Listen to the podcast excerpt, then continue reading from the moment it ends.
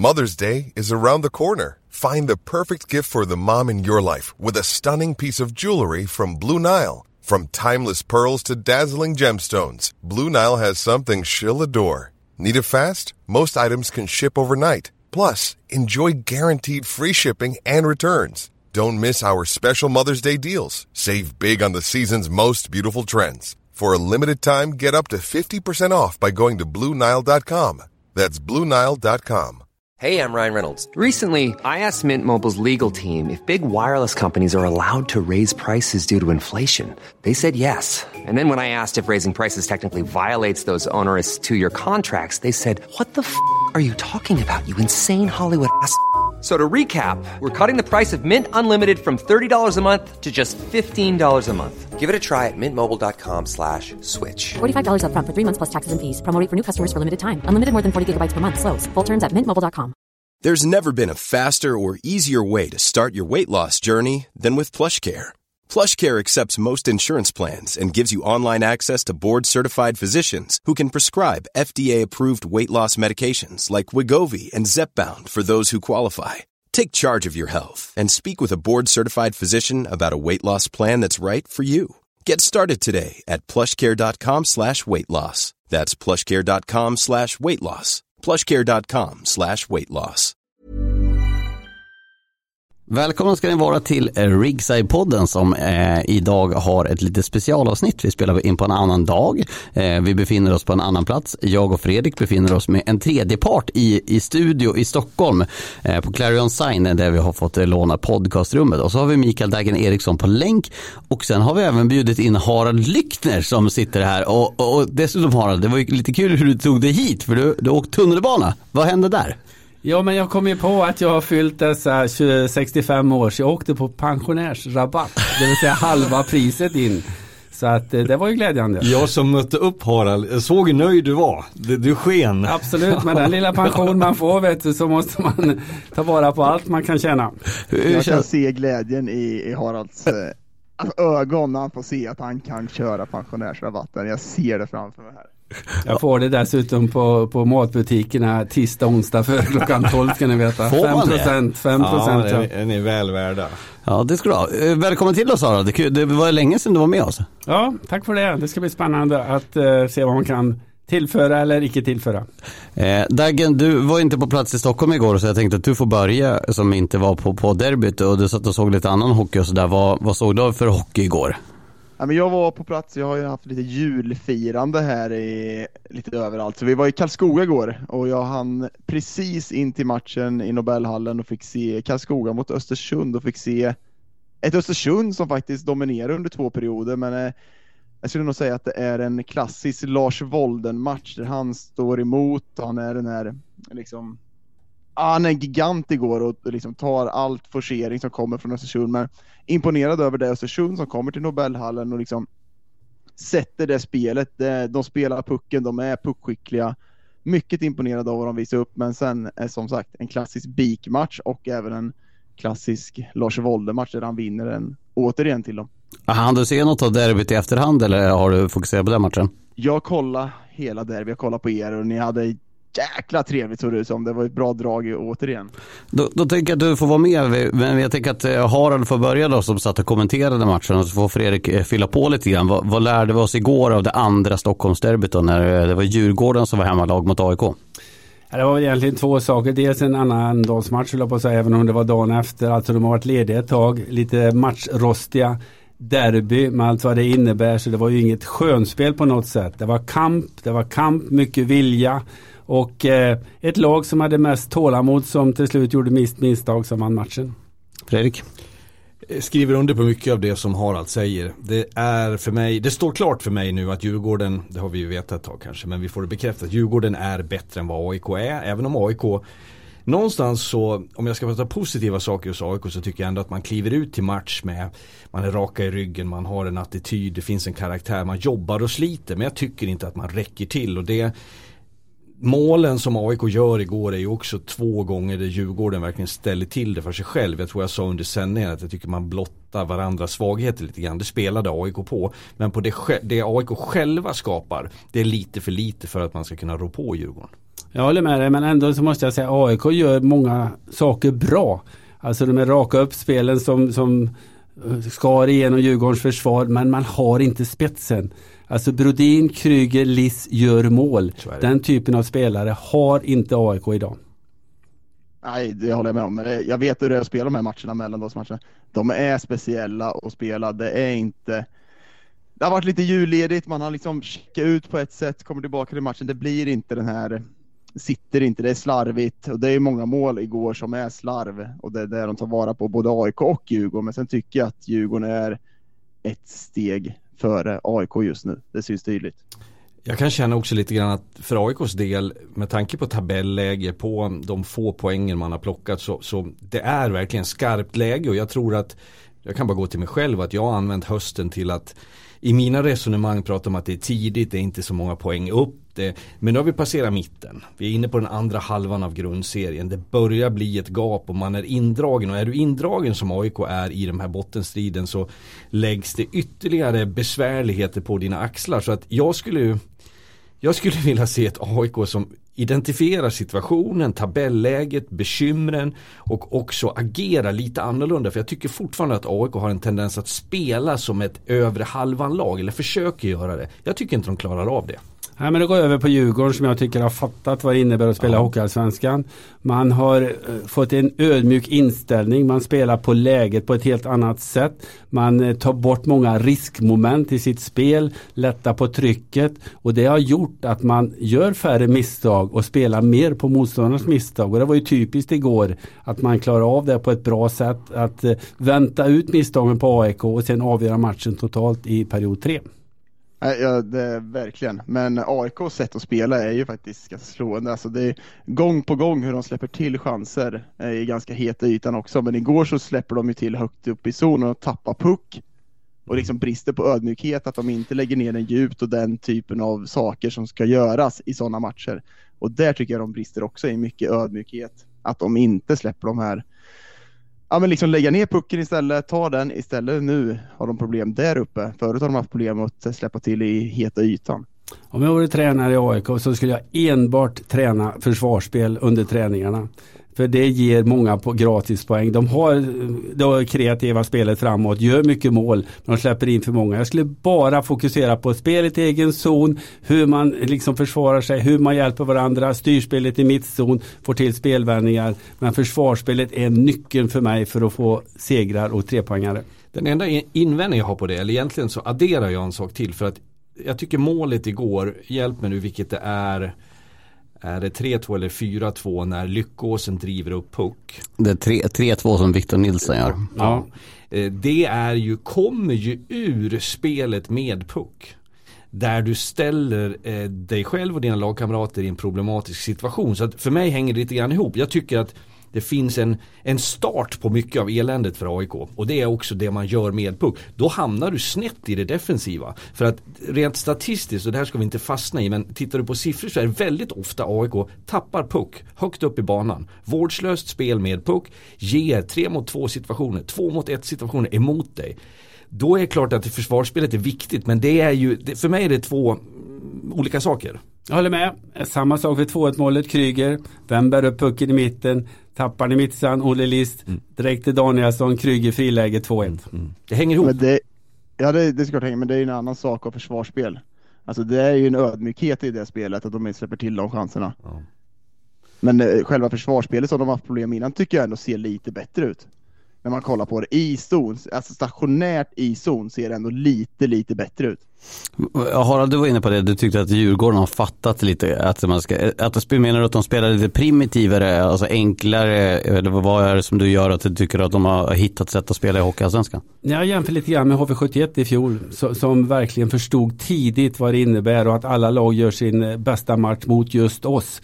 Så man la sarg ut, man la ner på djupet när det behövdes, man slog en icing när det blev kaos i egen zon och liksom gjorde det här enkla spelet som måste göras oavsett motstånd motstånd.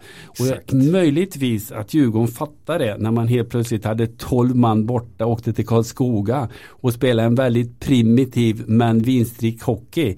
Och det var som Olle Liss sa, det gick upp ett ljus för oss. Vi har förstått nu hur vi måste agera för att vinna matcher. För tidigare så ledde man ju med två mål väldigt många gånger in i tredje perioden och tappade på liksom övermod och att man skulle spela sig ur situationer. Nu har man förstått att det kan vi inte göra jämt. Vi måste ha respekt för alla motståndare i den här serien. Jag tror också att du, du belyser ju även det fortsatta problemet i det du säger för du nämner matchen i Karlskoga när man har många borta. Jag tror att Garpenlöv och gängets stora eh, uppgift är att få Kryger, Brodin, Olle Liss, Klasen, vi kan räkna upp 8-10 man, Elliot, Schilling att göra det varje kväll. För de har bevisat att de kan det. Jag tycker att de gör mycket fler rätt saker som i mötet nu med AIK. Men det där är ju också det de har ställt till det mot Almtuna, mot eh, Tingsryd. Eh, I matcher där de borde kunna gå ifrån så har man inte klarat av det. Och jag tror helt enkelt det är så här. Eh, de här skickligaste spelarna i Djurgården vet att det finns alternativa lösningar som är mycket skönare, som är mycket roligare, som är mycket mer spektakulära och som går om du har ett lag fullt av sådana. Men Djurgården har ju inte bara stjärnor, det är inte ett NHL-lag, det är inte ett SHL-lag, det är ett allsvenskt lag. Och då är det helt rätt Harald. HV71 gjorde det förra året och de gjorde det kväll efter kväll efter kväll. Ja men jag håller med dig. Men det jag liksom frapperas av också det är hur de här spelare du just nämnde även är liksom loket i den här truppen och det drar med sig de andra som åker med på vågen. Vi har sett Victor Nilsson, vi har sett Blomgren, vi har fått Forsberg eh, och vad heter han, Unasvori sådana här som mm. kommer upp och spelar sin bästa hockey. Men det hade de inte gjort utan de här spelarna som ändå är i fronten. Harald, du och jag som har varit tränare, du har varit högre och längre och bättre än vad jag har varit, men vi har varit tränare båda två.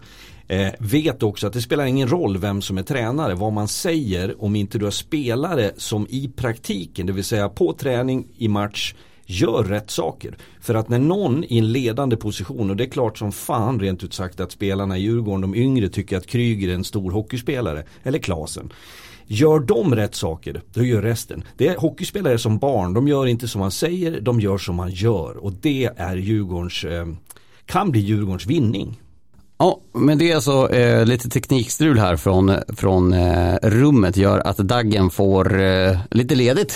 Men är det inte alltid så här, det tänker jag på när man ser nyheter, någon med, vi har med en på länk från Bagdad. Ja. Så är det alltid en sån här fördröjning, ja här i Bagdad är det Hur är läget? Är, ja, läget ja. spänt? Ja. Mycket spänt.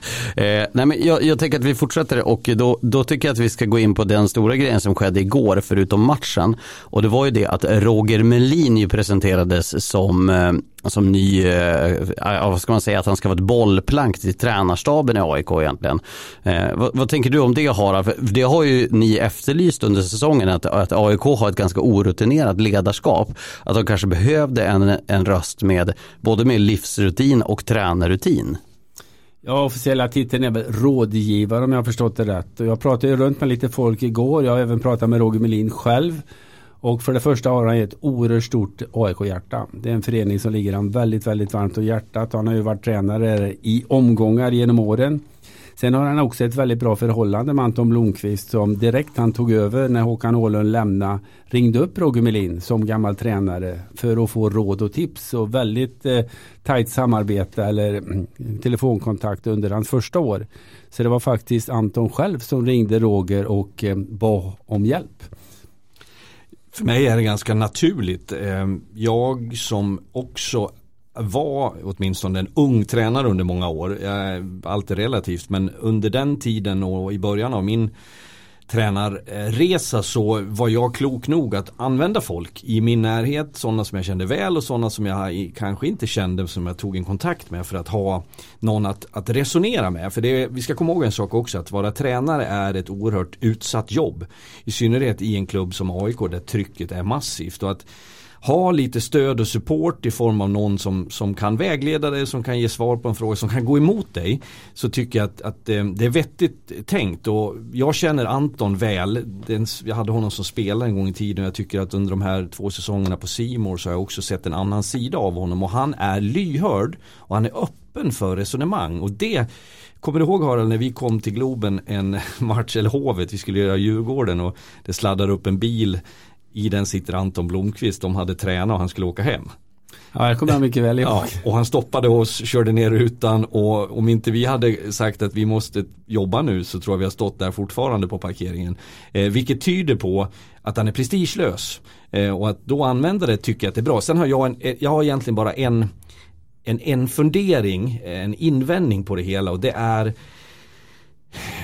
någonstans så här att du blir lite underminerad. Roger Melin är ett stort tungt namn i Hockeysverige. Han har varit med på mycket. Han, han, han har en, en högre position. Han kommer inte vara lika lätt att attackera och kritisera som det faktiskt är med Anton.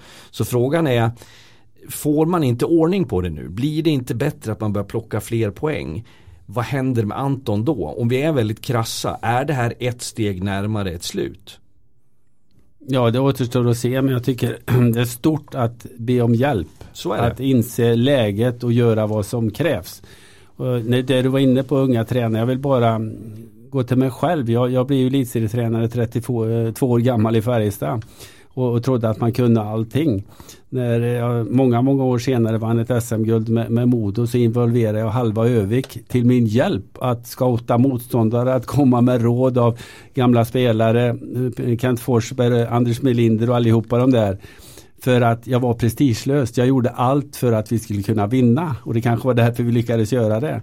Och det tror jag man ska lära sig tidigt att ingen kan allt utan ta hjälp om de, så behövs. Och de framgångsrikaste ledarna, näringslivet, idrotten, eh, politiken omger sig ju med folk som är kompetenta och jag har sagt det och jag säger det utan omsvep att i alla tränarkonstellationer jag har jobbat så har det funnits någon som har varit bättre än mig på många saker. Men jag har haft förmågan att, att vara den som har tagit ansvaret. Jag har inte tagit ära och heder av någon. Jag har inte skylt på någon av de andra även om jag har tagit intryck kring ett boxplay. Hur ska vi göra våra uppspel? Det där är, så att, det här belyser också lite grann vad tränarrollen faktiskt är.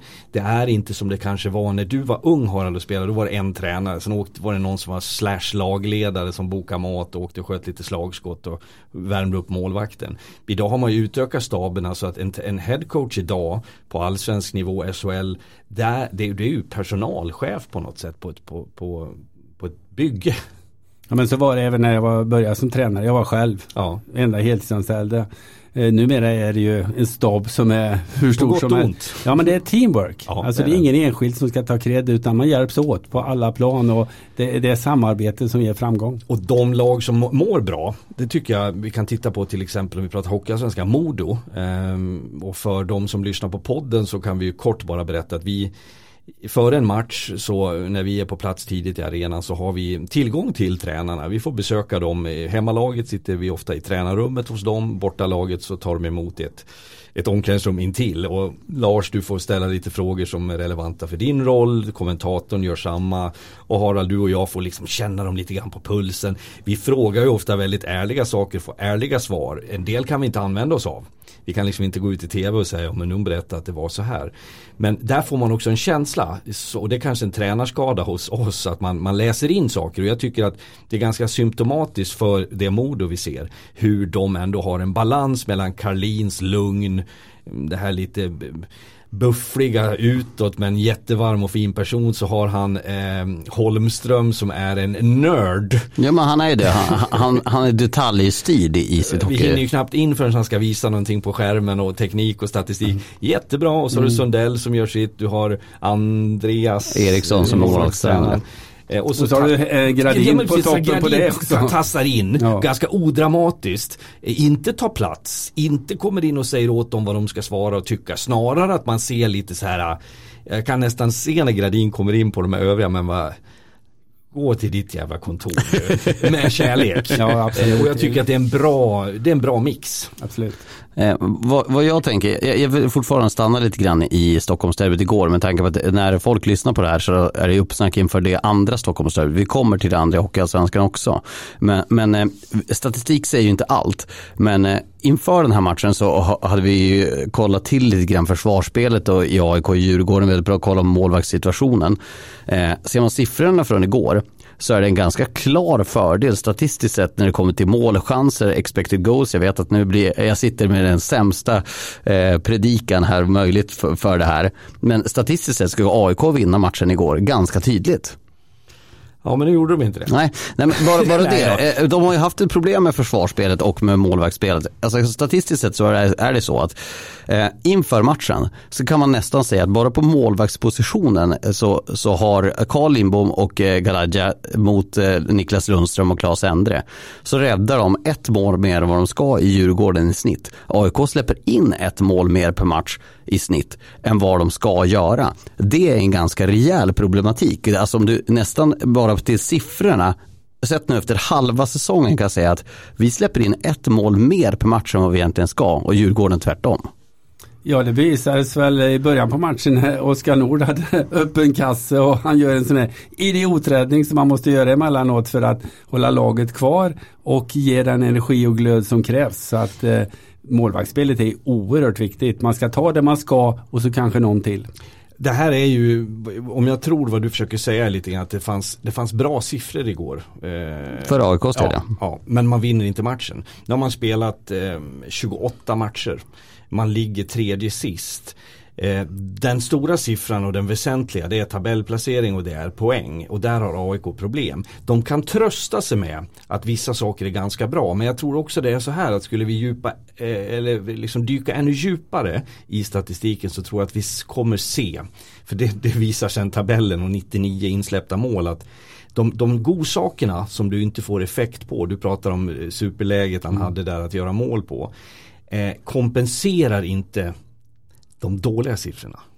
Är du med på vad jag tänker? Eh, Du får gärna förtydliga ytterligare Jo, men så här att om du är bra på ett antal punkter där du bevisar, vi skapar. Och AIK, vi pratar om att de släpper in mycket mål, men de, eh, de gör också mycket mål. Vad är de, fjärde, femte mest? Fjär- De har gjort fjärde mest mål Ja. i ligan. Så att problemet är inte AIKs offensiv i form av skapande av chanser eller ens produktionen. Den är ganska bra. Det är att du släpper till för mycket och det som sker när du inte gör mål på det läget du pratar Oskar Nord igår så får du heller aldrig det här klassiska begreppet momentum. Du får aldrig tag på matcherna, du får aldrig frustrationen att komma hos Djurgården. Harald, du använde ordet tålamod om, om Djurgården igår. Helt rätt, jag satt i SHL-studion i måndags. Jag tror vi sa ordet tålamod hundra gånger. Vi pratade Växjö och Skellefteå som Det var ju topplag. 0-0, det var en jävligt trevlig match. Ja. Jo men alltså det är så viktigt och känner du då att okej du har en målvakt som kliver in, för det är ju målvakten om vi spetsar till det.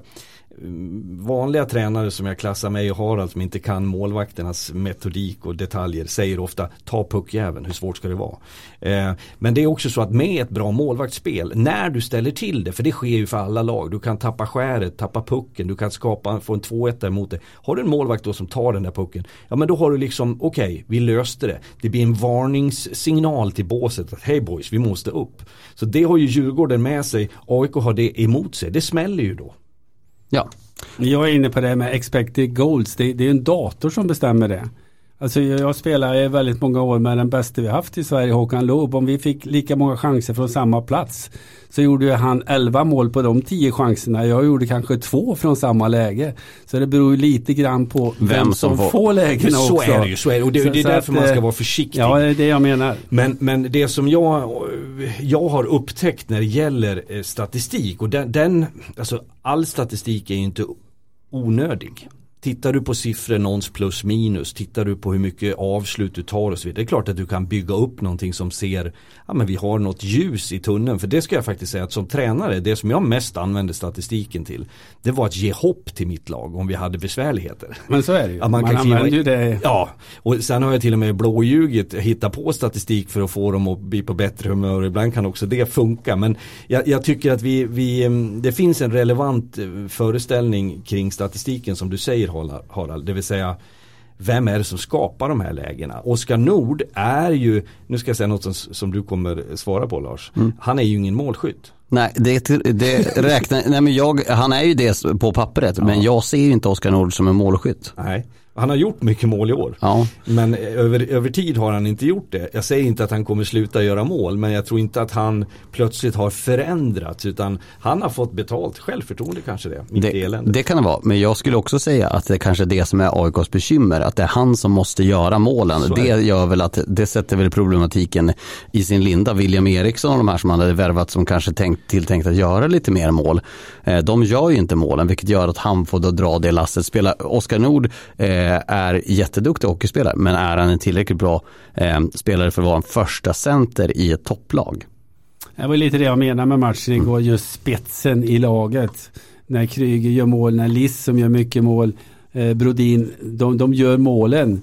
Och AIK eller, har inte den typen av spelare som, som leder laget som Djurgården har och det är för mig skillnaden. Och då, det är en enorm skillnad. Jag skulle bara flika in att jag minns förra säsongen då diskuterade vi också, vi tyckte att det var då var det Weigel och, och några till som inte riktigt fick ut det men då hade man istället Max Lindholm. Ja. Och sen Jonas kom in och gjorde en massa mål. Ja men precis, oväntat mm. eh, så kom han in och la ytterligare på. Då, då var man ju bättre med.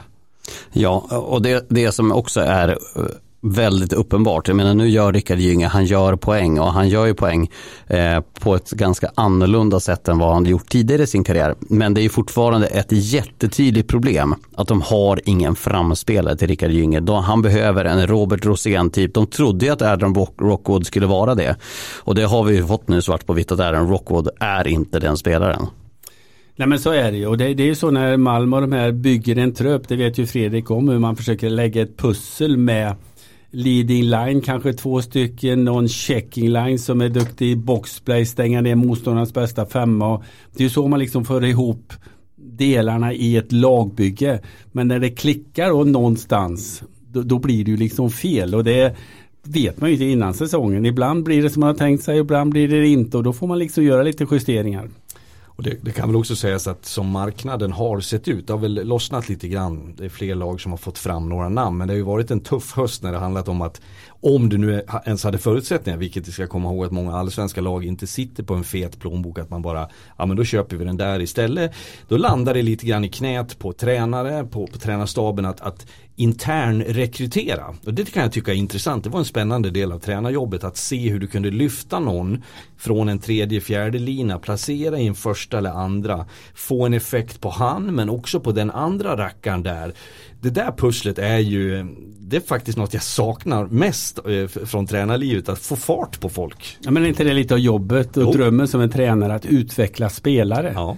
Och vi, det, Hockeyallsvenskan är ju den ligan som verkligen utvecklar spelare där de tar det här stora steget in i seniorhockeyn, eh, blomstrar och går via SHL till NHL. Hur många sådana spelare har vi inte varit med om? Och det är ju charmen med våran liga tycker jag. Jag hörde något eh, ett eh, relevant resonemang kring Djurgården. Eh, att man senaste tiden tränar bättre. Och det här är ju också värt ett, ett helt avsnitt i sig. För då kan man säga hur i hela friden har kommit sig att man inte har tränat bra tidigare. Men, men om man ska försöka göra ett lag bättre och det som ofta sker när du får ett tränarbyte, var inte det sanningen delvis i Karlstad förra året, eller jag påstår det här. Mittell kommer in, sätter fart, kravbilden, dyngtrötta första träningen. Jag får signaler om att Garpenlöv har skruvat upp det, det är lite mer skridskoåkning, du ökar trycket lite grann. Eh, så där har du också ett sätt att, jag säger inte att AIK tränar dåligt vi har inte sett dem träna. Men där har du en, en, ett visst utrymme där du kan göra ditt lag bättre genom att öka trycket på träning. Och då är de ledande spelarna nyckeln. Såklart. För det är de som driver träningarna och då hänger de andra på. Skulle de inte ta emot den signalen utan skaka på huvudet då blir det kattskit av det och där har man nyckeln i ett framgångsrikt lag är att ledarna är ledare. För det finns ju också exempel på ledande spelare som inte tycker att det ska tränas så jävla hårt. Ja, såklart finns det det. Jag eh, svär, jag ber om ursäkt. Ja, det, det är ingen fara. Eh, jag skulle också vilja dra det så här. Jag, Eh, jag vet inte hur ni tänker, men nu börjar vi komma liksom in i, det, det är snart nytt år. Eh, direkt vi går över nyårsgränsen så ska alltså, serien börja summeras och då börjar vi redan titta på, jag tänker redan liksom in mot ett slutspel. För vad är det vi spelar om? Jo, det är en plats i SHL. Eh, och när jag sitter och, eh, eller står då där mellan båsen mellan AIK och Djurgården och kollar lite grann vilka det är som gör det i Djurgården. Jag tycker att de gör det mycket bättre. Men jag tycker fortfarande om man jämför det bästa man har sett av Modo, som nu nästan dessutom gör det utan eh, deras två kanske bästa spelare på forwardsposition i Dickinson och eh, Riley Woods. Utöver det att Björklöven går starkt nu, vann 1-0 borta mot Almtuna. Det ger väl kanske inga ringar på vatten, men sex raka segrar.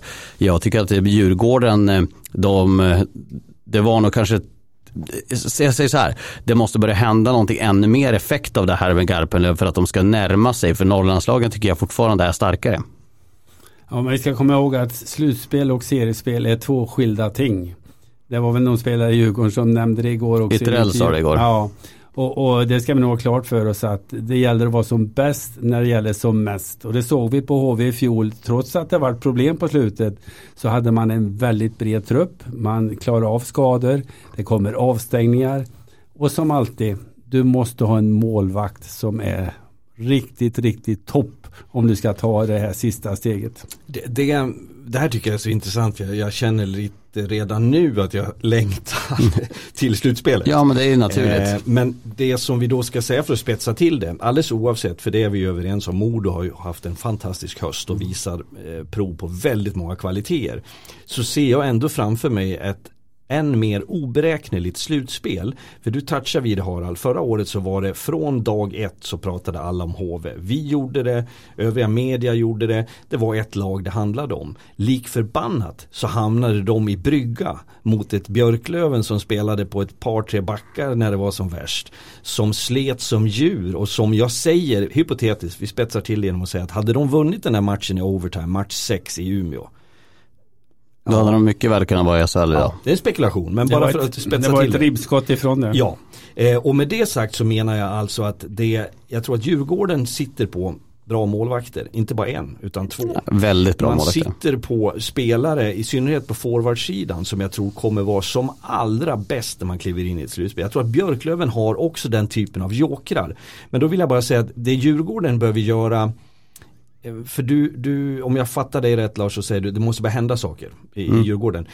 Jag kan hålla med dig men jag tänker också så här, jag säger inte att eh, det är inte kört. De, de, naturligtvis nej, såklart kan, inte. Nej, nej men jag, jag, jag, det jag vill komma till är att stressa inte fram någonting för att vara läcker nästa vecka eller veckan på det. Använd nu januari, februari, mars till att bygga för i slutspelet. För att Djurgården kommer ju, det kommer vara viktigt att vara tvåa.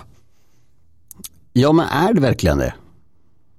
Alla fördelar du kan ha i ett slutspel tror jag du ska plocka. Ja, jag tror definitivt att det ska bli viktigt för att du kommer få hemmaplatsfördel i semifinalen. Men det som är, är att jag skulle säga att det är så jäkla viktigt att bli etta. Jo men För, ja men det är väl klart som ja. fan men, men det är inte det nästan kört? Ja men det är i princip kört men det som är är ju det att eh, mycket talar ju för nu om låt säga att Modo vinner grundserien så kommer de att få välja sitt kvartsfinalmotstånd. De får även välja vilka de möter i semifinalen vilket gör att det kommer mest troligt att välja Södertälje, Mora eller Karlskoga det laget som kommer där. Vilket gör att Djurgården och Björklöven kommer mest troligt om de går, tar sig till en semifinal och måste stångas i den semifinalen innan de ska möta Modo. Och då ja. kommer det där två tigrar slåss konceptet in igen. Det, jag förstår inte vad det går emot att det är bättre att vara tvåa än sjua då? Ja, men jag menar på att det, det, det, spelar inte så stor roll om det är två eller trea för att Modo kommer inte att välja Björklöven eller, eller Djurgården i en semifinal hur som helst. Nej men jag tror att de lagen som inte blir etta kommer ju jobba efter sina bästa fördelar. Absolut. Eh, och om det är då att få någon extra hemmamatch,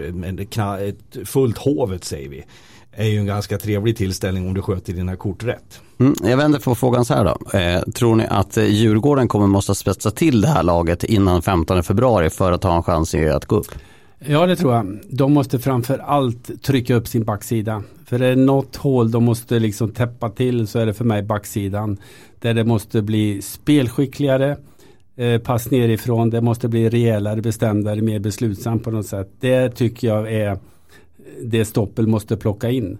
Men med ert resonemang där så vill jag påminna er om en sak när det gäller SM-guldet i fjol. Så var det ett lag som blev sexa och slog ut ettan, tvåan och trean till det här guldet. Så att men då var det, men då, vilka menar du? Men då var det ju också ett lag som, som hade kanske den bästa truppen i ligan och som var lite sovande som fick in en tränare som fick styr på det hela också. Så de hade ju kanske bästa truppen och sen spelade de med väldigt tydlig slutspelshockey och gjorde det otroligt bra. Ja det är det med slutspelshockey som jag vill komma till. Att mm. det är inte likt seriespelet. Nej, men, utan det är andra förutsättningar som gäller. Och det vill jag påstå är det bästa som hänt Hockeyallsvenskan. Mm. Att de får träna på det här att kanske möta samma motstånd, samma motståndare sju matcher i rad. Det blir ett mentalt spel. Och det förekommer inte under en lång serie. Och där är det vissa killar som älskar det mm. och vissa som inte pallar med Så det. är det verkligen. Och det, det, kommer att sättas på sin spets i år igen. För det har gjort det under två säsonger nu där det inte alltid har blivit som vi har trott. Det ska gudarna veta och jag vill absolut stryka under. Modo måste, och jag tror att Modos ledning gör det. Men det är lätt att ryckas med hänföringens tid. Man har 16, eller 16 raka 16 raka segrar nu. Eh, man är störst, bäst och vackrast just nu. I ett slutspel så har det noll betydelse rent praktiskt. Det vill säga du startar inte med några poäng, du har inga sådana fördelar. Du kan bygga upp självförtroende men jag, jag är, är oerhört nyfiken att se. Det var därför jag tar upp Djurgården som ett exempel. Jag tar upp Björklöven. Jag har tidigare i podden och även i tv tror jag nämnt Södertälje, Mora som har kommit smygande det har hänt större mirakel eh, än att en etta, precis som du säger Harald, i SM-slutspelet förra året faktiskt faller. Så att Därför är det så intressant att se vilka egenskaper är det som vi i sånt fall kan se att de här lagen har som skulle kunna utmana. Vad är det möjligen som skulle kunna fälla Modo? Och ja, men en fysisk eh, sju matchers serie där du kommer under skinnet på varann. Ågård som älskar att spela hockey och göra mål blir ju klappgalen när någon är under skinnet på honom. Vi såg vad som hände i semiserien förra säsongen mot, mot Björklöven. Så att det är klart att det är en öppen historia men onekligen har Modo gjort det bra. De har gjort det jättebra men samtidigt tror jag att de tittar lite grann på vad Timrå gjorde när de slog det här rekordet. De byggde ju upp någonting under den säsongen som bar dem hela vägen till SHL. Ja. Även om det var lite pandemi och Björklöven åkte på en massa skador och sjukdomar och så vidare. Men de byggde upp det självförtroendet som krävs ja. när powerplay-uppställningarna var satta, boxplay-paren var satta, vilken som var första målvakt var glasklar och hela den här biten som måste till. För du kan inte börja fundera och ändra i slutspel utan då måste allt vara glasklart. Eh, nu lämnar vi den diskussionen och så ska vi prata om, eh, det var ju den 27 december igår och eh, passande nog så åkte nummer 27 upp i taket i eh, numera Dackehallen som vi förr var hette Nelson Garden Arena men det är ju Dackehallen som vi ska eh, titulera det som. Eh, Larry Pilot, först och främst ska vi ta en liten hyllningskör till Larry Pilot och vad han har betytt för svensk hockey sen han kom in eh, från Sveg in till Tingsryd eh, och bara hylla lite grann. Larry Pilot har ju du följt i väldigt många år Harald och du har ju mött honom Fredrik så vad säger ni om Larry Pilot? Nej men det är ju en hockeymänniska ut i fingerspetsarna naturligtvis. Dels som spelare, det säger ju all statistik vad han gjorde den i Tingsryd. Men även som ledare. Han har ju varit med hur länge som helst och varit nere och vänt i ettan. Men han har alltid stått där rakryggad, varit spelarnas man, utbildat spelare år från år. De har ju blivit av med stjärnorna, fått utbilda nya och de har gjort det med bravur och mycket är ju hans förtjänst vill jag påstå. Så tycker jag att det är lite läckert. En, en eh, han är amerikan va? Alltså att vi ja. Det, ja. Eh, som kommer till Sverige. Eh, du drog lite historien igår Lars med att han var i Sveg en säsong först, hamnade sen i Tingsryd. Jag tycker själv att Tingsryd har sin skärm, det är ett litet samhälle i Småland, jag har bott i dess närhet så jag vet vad det är. Men det är ju inte ett ställe som tilldrar sig folk från världen som flyttar dit för att leva där. Han har blivit kvar, han har bildat familj. Han eh, representerar en, en väldigt vacker kultur som Tingsryd har. Om vi ser till deras förutsättningar, till arenan som du kallar det, men ladan som jag tror själv de tycker att det är. Ehm, hur få människor som bor där omkring och ändå är man med i den näst högsta serien. Det är inte allt för länge sedan man var i en playoff-möte med eh, AIK om att faktiskt ta sig mot SHL. Så att de gör ju, de, de slår ju personbästa sett som klubb betraktat. Att ha en sån profil då som är kopplad till det och som du sa Harald, han, han har stått där i alla år på den där bänken. Glad, eh, det finns någon eh, nordamerikansk drivkraft i honom, han, han är prestigelös. Jag tycker det här är fint och det är, en, det är en utdöende art av människor som har den här lojaliteten till en och samma klubb och han har varit med om elände, fått gått ner på juniorsidan, står tacksamt, gör det jobbet. Ja men så plockar man upp han igen och jag sa ju med skämtsam ton igår ta in honom. Ja men jag kan jag förstå kan att, det. ja jag tycker det också. Att eh, Larry Pilot ska stå i Tingsryds bås, punkt. Ja han har ju aldrig varit huvudtränare från Nej. början. Han fick hoppa in någon säsong när, när det var sparkningar och så vidare. Men i övrigt har han varit en perfekt assisterande tränare, det vill säga spelarnas man. Ja, jag tror inte han strävar efter att vara Nej, någon headcoach och ta inte. över Växjö på något sätt. Men, och det är också en egenskap som inte alla har. Att ja, men jag köper min roll. Det, det handlar inte om mig, nu handlar det om Tingsryd som klubb.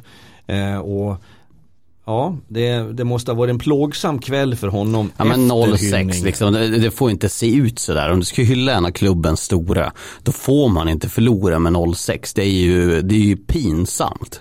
Ja men sånt där går inte att styra Lars. Nej tyvärr, men det tyvärr. får ju inte ske. Det kan bli en övertändning också man vill för mycket men det är klart det, det det ser inte bra ut. Ja, men då, måste ju, då måste ju klubbchefen gå ner i omklädningsrummet efter första perioden och säga, är det kontrakt 20% bort på lönen om ni inte löser Lars, det här? du har inte varit där. Jag Nej, du har inte varit där. Men, men Jag då, tror inte det. jag vänder på det så här, Robert Frestadius fick ju en bättre hyllning. Ja, det var det dit jag tänkte komma. Men jag tycker man kan inte förlora med 0-6. Och det, oavsett vilka du möter, du förlorar inte med 0-6 när en legendar åker upp i taket. Det, det kan ni väl hålla med om att det gör man inte. Sen att det kan ske, det fattar jag ju.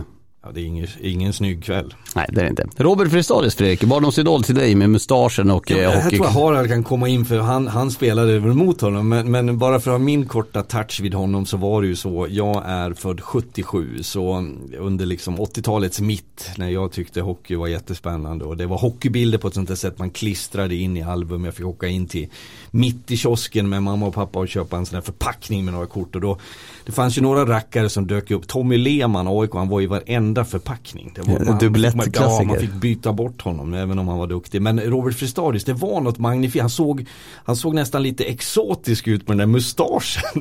Fick du någon Harald Lyckner idolbild i- och klistra in i albumet? ja, det hade jag. Och. Färjestad hade De- för de- en väldigt snygg logga i, i det albumet. Det var, det var tydligt färgat. Så, så Färjestad var ju bra då. Men, nej, men Fristadius fastnade jag för och tyckte, jag vet inte riktigt vad det beror på. Men en del har man liksom burit med sig. Så att, att de hyllar en sån. För jag vill säga, bara säga innan du lägger till lite här Harald. Men Modo har så många fräcka stjärnor. Peter Forsberg och Marcus Näslund och Sedina. Vi kan hålla på hur länge som helst. Robert Frestadius, säger du det till en unge på på stan så är det ingen som vet vem det är. Men att man eh, sätter värde i vad han faktiskt gjorde för att jag gissar att hans betydelse var stor. Absolut, och det var ju sådär um, ehm, klubbikon som alltid var med, alltid fanns där, gjorde sitt jobb men inte glamorös på något sätt så inte fick de rubrikerna. Eh, Nu var det ju faktiskt före din tid eh, Fredrik, men eh, alltså den första elitserieomgången som var 1975-76. Då bildades det första året med elitserien. Då mötte alltså Färjestad Modo på hemmaplan. Och i en väldigt målrik match tror jag vi fick stryk med 8-6 eller något sånt där. Och då hade Modo en ungdomsfemma. Eh, Med Robert Frisadius var ju back. Thomas Gradin var center. Bosse Berglund var ytterforward. Tyvärr kommer jag inte ihåg den andra forwarden, andra backen just nu. Men det var en ungdomsfemma och de gjorde massor med mål den här. Och Robert var ju den defensiva länken som höll ordning och reda i försvaret. Men sen mötte jag ju han i alla år. Han var ju kvar i sitt mod och han var trotjänare och han gjorde sitt jobb. Och det är det jag tycker är så kul att man kan uppskatta de Verkligen. spelarna också. För de är väldigt, väldigt underskattade. Ja. Ja, jag tycker det var fint. Vi lyfter på hatten till Robert Frestadius. Eh, har du något till? Ja, jag skulle bara lägga till egentligen att generellt kan jag tycka att de här, um, sen om det pratas tröjhissningar, du, du har ju som också gör lite SHL säkert kommenterat någon match, man, man, det har blivit lite slentrian i det, men att i vardagen, det behöver inte vara en, en, en tröjhissning men att du ger en, en match. Eh, om, oavsett om det är Västervik till en gammal Västervik-profil eller om det är Leksand eller Örebro. Att man uppmärksammar historien. Jag tror att det är så viktigt för att du ska veta var du är på väg och för mig som, som eh, har en kärlek till hockeyn från förr när man följde och tittade och sådär så, så tycker jag att det, det är så viktigt. För det finns många unga hockeyspelare idag som inte eh, har förstått var hockeyn kommer ifrån och hur den sett ut. Jag ja, men skulle, det vill jag lägga till någonting Lars. Som Jag, jag tycker man glömmer bort de här. Man glömmer bort ibland varför det är som det är. Och Ja. det är någon som ligger till, till grund för det. Ja. Och därför vart jag så glad igår när de vi visade en bild i tv på hur många Djurgårdslegendarer som helst som samlas till den här matchen. Och så får man höra vad en sån som Marcus Kryger säger efteråt. Han blir nästan stolt att få spela inför de här spelarna som en gång var hans idoler. Jag tycker inte man får Nej, underskatta verkligen deras inte. betydelse och Verkligen jag tycker det är snyggt av Djurgården att bjuda in de här. Och vet du vad, jag har fått berättat för mig att Djurgården gör en grej. Eh, någon kanske kan rätta mig i detalj hur, hur det var. Men inför varje säsong så är det ett par stycken gamla, mm, om det är spelare eller ledare som eh, samlar hela Djurgårdstruppen och ger dem en historielektion. För det är många nya spelare, berätta om historiken i Djurgården. Fantastiskt initiativ. Det skulle alla klubbar göra. För de här som åker runt på isen idag som tjänar stora pengar, som är proffs, som är profiler eh, ska veta hur det var förr och vad som faktiskt var kärleken till sporten då. Varför åkte man tåg Sverige runt i, spela på uterinkar? Varför har man offrat sin, sin yrkeskarriär för kärleken till sin klubb? Det, här, det, det är viktigt att förstå. Jag tycker också att det, det som det gör när du hyllar de här spelarna, det initiativet tycker jag är klockrent. Men framförallt så förklarar du varför är sport viktigt? Det här har betytt så mycket för många. Robert Frestadius, då kan eh, någon pappa sitta på läktaren och säga till sin son att jo, berätta om när han satt och såg på Robert Frestadius och han var, vilken kämpe han var. Det föder ett intresse för hockey, för hockeyn måste för att få nya intressenter till hockey måste du förstå varför det är häftigt. Och du måste förstå varför du ska bry dig. Därför är sånt här så jäkla viktigt tycker jag. Med det sagt, eh, ska vi gå vidare till ytterligare ett lag som går väldigt starkt i Hockeyallsvenskan. Björklöven har nu sex raka segrar. Jag började också bygga upp den här se segerkolumnen. Eh, lite spelare på väg tillbaka där också. Jonna Voutilainen höll nollan i Björklöven igår när de mötte Almtuna. En 1-0-seger. Ett Almtuna som vi vet är svårspelade, som har gjort det riktigt bra, som många lag eh, säger det. Viktor Andrén i mål är ruggigt svår att få hål på. Vad säger vi om Björklöven då? Nu har ju inte vi sett eh, hela matchen, jag såg om delar av det igår kväll. Men eh, det är ändå noterbart med sex raka segrar. Det börjar komma tillbaka lite spelare. För mig är det lite mer förväntat. Jag menar när vi satt innan den här serien så tippade jag faktiskt Björklöven som seriesegrare. För jag tyckte det såg ut att vara ett väldigt, väldigt starkt lag på pappret. Börjar väl lite knackigt men jag tycker att Björklöven har alla ingredienser för att kunna vara med och utmana hela vägen ut. Lite skadedrabbade för tillfället. Men eh, Schilke vilka, alltså importen han återigen lyckats med bättre vill jag påstå än, än fjolåret till exempel Per Kente. Så att eh, jag tror aldrig vi kan räkna bort dem utan det är ett väldigt bra hockeylag och när de får spelat ihop sig här och hittat alla roller så är jag övertygad om att det är en allvarlig utmanare till eh, de övriga topplagen som vi har pratat om här ikväll har svårt att gå emot dig där Harald. Det jag också tror ytterligare är ju de här knöligheterna de har haft under hösten med skador eh, och frånvaro. Eh, där och då är det eh, trist och det, man tar lite skada som grupp också för du, du får ofta lite sämre kvalitet på träning. men du kan, du kan vinna någonting på det också. Det är att du tvingas tänka om, du tvingas pröva saker och ting. Du, du är lite grann, grann trängd mot repet och det, det skapar en eh, Eh, jag vet inte vilket ord jag ska använda men, men bland ledarna så blir det en, du får vrida och vända på så mycket, du får jobba tajtare för att hitta lösningar och när du kommer ur eländet så är du ofta lite stärkt. Så att, och jag tror att det passar Björklöven att smyga lite i bakgrunden. Nu är det väldigt mycket snack om Modo av förklarliga skäl, Djurgården, stor, Stora Stockholm, eh, mesta Mästarna, eh, Södertälje har vaknat till liv lite grann, AIK har krisat, Västerås har haft sina bekymmer. Där bakom i mediabruset så ligger Björklöven och tror jag mår ganska bra. Så att nog 17 kommer de tävla som bara den i ett slutspel. Jag ska flika in också att nu har de ju fått tillbaka, eh, VT Vaino har ju spelat några matcher i följd, eh, Gustav Possle var tillbaka. Eh, de har egentligen nu, om man ser till forwardsuppsättningen, förutom de som är borta, så har de ganska många ordinarie som börjar få speltid nu, vilket gör att de, eh, som du tryckte på, att de kunde trycka på på träningarna, de har en större konkurrens för fler kommer tillbaka. Och det ökar ju också det, trots att Weigel är skadad nu såklart.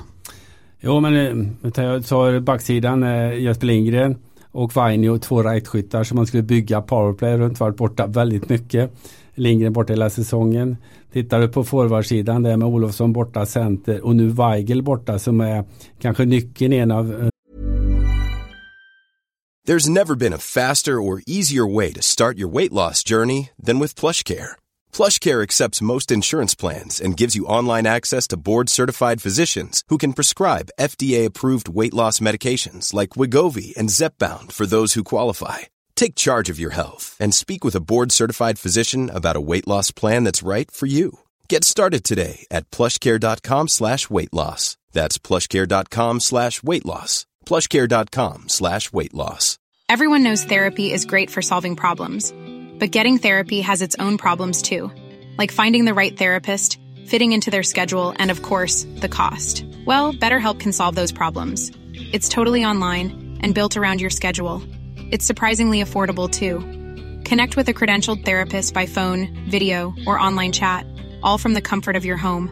Visit betterhelp.com to learn more and save 10% on your first month. That's BetterHelp H E L P.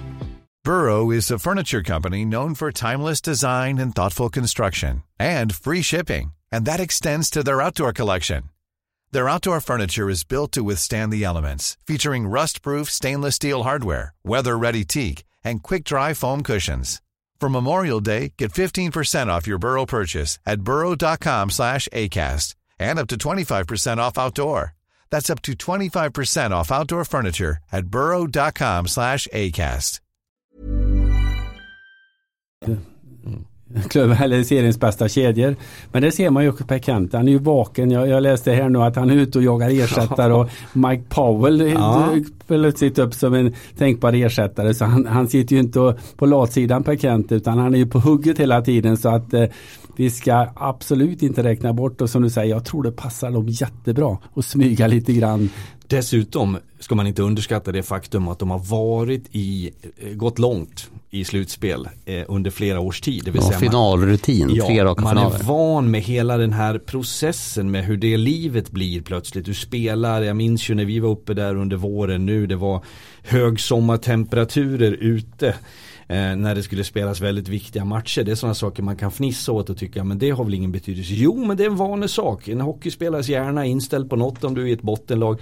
Björklöven har upplevt det där, de vet exakt vad som väntar om de skulle komma dit och för varje gång du är där och inte lyckas så skaffar du dig utomordentligt bra erfarenhet. Vi pratar om trotjänare, vi pratar om viktiga spelare. Vem har varit skadad hela hösten och kommit tillbaks? Fredrik Andersson. Lagkapten Fredrik Andersson, ja. Jag tror hans betydelse ska vi inte tänka bort alltså utan eh, vid sidan om i omklädningsrum, mm. även på träningar så är det en spjuver som kan sätta fart på det mesta. Jag kommer göra tidiga reservationer på hotellrum i Umeå, preliminära. Inför att de kommer att spela ett långt slutspel i år också. Ja.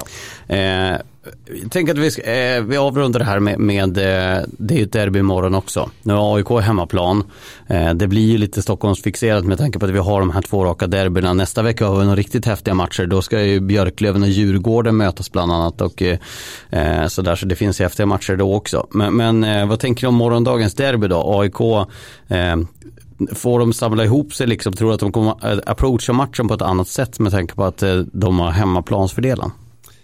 Jag tror inte det spelar så stor roll nu utan de sitter ju och grundligt tittar igenom matchen igår. De, de vet om att de gjorde väldigt många saker bra och det har ju du faktiskt statistik på till och med.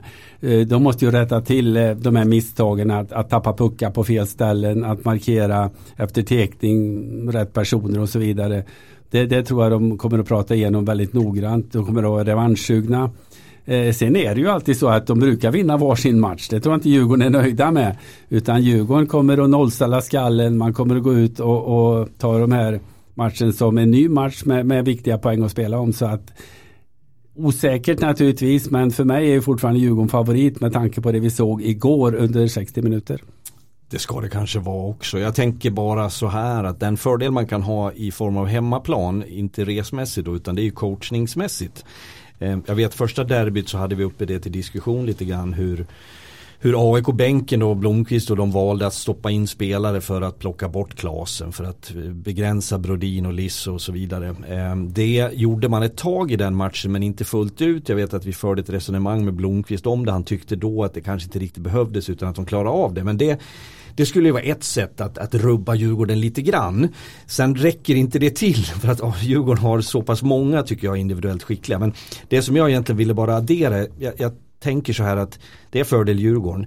Men vid en eventuell AIK-seger, den skulle få enorm betydelse för AIK. Djurgården poängmässigt, tabellmässigt kan leva med det även om det skulle svida. Men för AIKs del, de måste plocka någon fjäder i hatten. De måste skapa hopp och tro. Inte minst för publiken. Jag tänkte på det igår. Vi sa att det var ett fullsatt Avicii Arena. Det var det ju inte. Nej, det var, det, var, hade var det lätt, AIK-sektionen hade lätt ja. kunnat få en 400 eh, till. Och vad händer då? AIK behöver ju, för så här är det ju det fascinerande med AIK. Skulle de, när AIK går bra och har supportrarna, fansen med sig. Jag vet att man förtjänar sånt. Men då är ju AIK, det är ett rent helvete att komma till Hovet och spela matcher. Det är ju ett magiskt tryck där. När AIK går bra. Nu har vi gjort matcher, vi gjorde AIK-Mora här strax före jul Det var ju, jag tror inte det var tusen personer i hallen. Det stod 2390 som, som det är väl sålda biljetter. Såklart. Men jag tror inte att det var över tusen personer på plats på Hovet. Och det är klart att det känner ju också laget av. Det blir ju en ångest av det där. Eh, så att för AIK behöver hoppet komma tillbaks, publiken behöver fylla på. Då tror jag ändå att AIK har kapacitet att vara bättre. Sen tycker jag inte att AIK är ett topplag på något sätt. Nej det är de inte. Det visar ju definitivt eh, tabellplacering så här långt. Men det vore intressant om ju AIK fick spela på ledning lite grann. De har ju fått jaga i två derbyn här. Tänk om man skulle få ett eller två måls och gå Ja, på så att för- säga och se hur Djurgården reagerar på Ja, det. det- det är en hade intressant varit aspekt, intressant för men vi- det måste göras också. Ja men precis, jag och Lars vi kom ju fram till det igår att i båda derbyna, framförallt i första derbyt så gör Djurgården mål i sista minuten i första och andra perioden. Igår så gör Djurgården mål i näst sista minuten. Jag vill säga I både, för, i både första och andra Ja, perioden. Där man är med och så får du gå till, till, till vila. Stukta, stukade. Ja. Det är också en mental aspekt som är jobbig. Och dessutom mål direkt när tredje perioden börjar. ja. Och det tar ju liksom död lite grann Så på, på den entusiasm och energi som ändå finns. För då är det helt plötsligt två mål som måste göras och betydligt jobbigare. Eh, vi måste ha ett litet ord också för att eh, det är ju matcher på fredag också i Hockeyallsvenskan, dagen innan nyårsafton. Och eh, jag och Fredrik vi ska åka upp, eh, jag och du Harald gjorde det första derbyt mellan Björklöven och Modo. Eh, Fredrik, jag och du gjorde det andra mellan Modo och Björklöven. Nu blir det igen fullsatt eh, salong uppe i Örnsköldsvik, eh, 7000 drygt där på plats Umeå. Folket åker dit för att eh, summera 2022 få en ny rivalitetsmöte där. Det kittlar ju, Harald nu är inte du på plats där men det, det, vilka häftiga matcher det där är alltså. Det är fruktansvärt häftiga matcher och jag tror Björklöven kommer att göra allt de kan för att bryta den här sviten som Modo är inne i nu. Det enda jag tycker är konstigt och inte förstår det är serieupplägget. För återigen ska alltså Modo spela ö, ö, Östersund borta Mm. dagen innan och resa hem på en natt för att liksom möta Och det var då. Modo torska senast. Ja det var det. Så nej men det, det, det är väldigt konstigt för mig hur, eh, nej när de torskade upp i, i Umeå då hade de hemmamatch. Det var faktiskt Björklöven som var i Östersund dagen innan då. Jaha, ja men Däremot när man vann, mot Östersund. den vann, då var man i Mora dagen innan. Det. det. är en ännu längre resa. Men då började matchen klockan nio på kvällen. Så att, nej, det är konstigt upplägg tycker jag för det ger förutsättningar till, för bägge lagen med samma uppladdning.